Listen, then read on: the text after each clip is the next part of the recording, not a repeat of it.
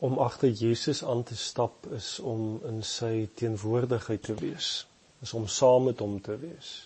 Te weet hy is nou hier. Ja, vir die disippels was dit maklik. Hulle het konfusies aan hom raak, nê. Nee. Maar hy was 'n realiteit vir hulle, hy's 'n realiteit vir ons.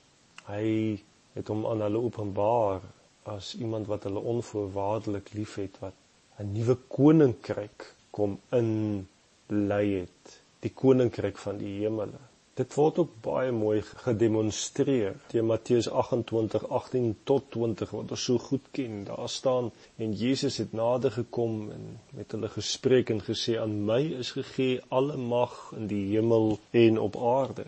Gaan dan heen maak disippels van al die nasies en doop hulle in die naam van die Vader en die Seun en die Heilige Gees. En leer hulle om alles te onderhou wat ek julle beveel het. En kyk, ek is met julle al die dae tot aan die volëinding van die wêreld. In die groot opdrag in vers 18 sê Jesus, ek is koning. Hy is die Here van hierdie koninkryk, want alle mag behoort aan hom. En nou is daar 'n proses wat gaan volg. En dit is om elke deeltjie van hierdie skepping. Elke mens in elke situasie onder sy heerskappy in te dring om alles te verander wat nie lyk soos die wil van God nie, wat nie lyk soos die hemel nie. Dit moet verander hier op aarde.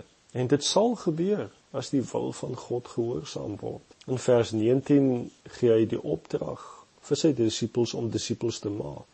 En disipelmaking is om mense te leer met 'n lewenswyse, met woorde, met dade dat Jesus die koning is, dat hy Here is en dat God as Vader gehoorsaam sal word. Want dit is wat enige kind graag wil doen vir 'n vader as daar 'n ware verhouding is. En so sal God se wil in realiteit word in elke aspek van ons lewens, van die lewe.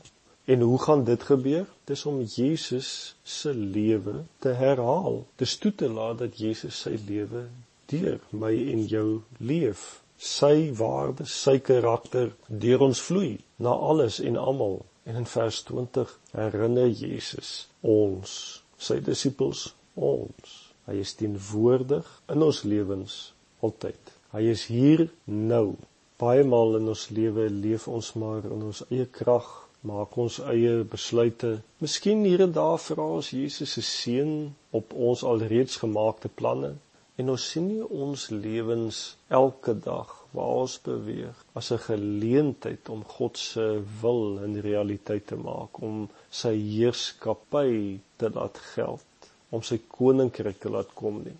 Want baie maal gaan dit vir ons daaroor om ons eie koninkryk te laat kom, ons eie wil te laat geskied. Maar ek en jy moet vandag herinner word daaraan dat Jesus teenwoordig is om ons te lei in wat ons moet doen en ook hoe ons dit moet doen. As ons nie die realiteit leef dat Jesus nou hier is om ons te lei in wat ons moet doen en hoe ons dit moet doen nie, dan word geloof net 'n godsdiens, 'n versekeringspolis vir die dag as ek doodgaan. Dan vertrou ek net Jesus vir lewe na die dood, maar nie vir die lewe voor die dood nie. En die kerk raak dan net 'n besigheid. Dan begin fokus ons op getalle en die hoeveelheid geld en geboue en netjiese klere, maar die wil van God word vergeet. Jy sien dan as Jesus nie 'n realiteit hier en nou is nie, as dit nie oor sy wil gaan en sy heerskappy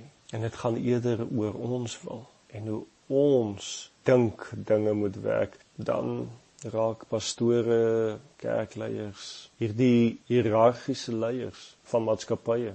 En hulle hardloop en onderhou programme en aksies en dan gaan kerk net oor onsself. En dan moet God en die lidmate uiteindelik vir my dien en nie ek vir hulle nie. Dan wil ons in kerke mense heeltyd nooi dat hulle na ons wonderlike plek toe sal kom. Dan raak ons 'n subkultuur waar ons God in 'n hoekie van die samelewing dien en ons het geen invloed op die samelewing nie. Die kerk, die gemeente is 'n teenkultuur waar ons die koninkryks invloed laat geld in elke donker plekkie van die samelewing wat lig nodig het. Daarom moet ons ons lewens teruggee vir Jesus as ons hom volg.